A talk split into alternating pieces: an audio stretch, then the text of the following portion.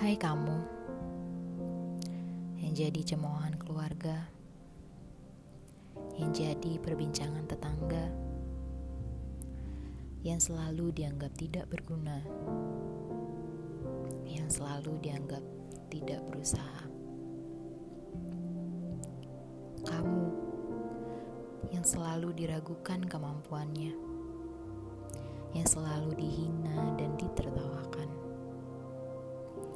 selalu difitnah dan dijatuhkan. Ini untuk kamu. Semangat ya. Semua ini memang berat.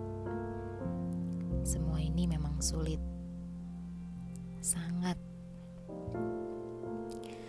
Tapi percayalah, menyerah bukanlah pilihan.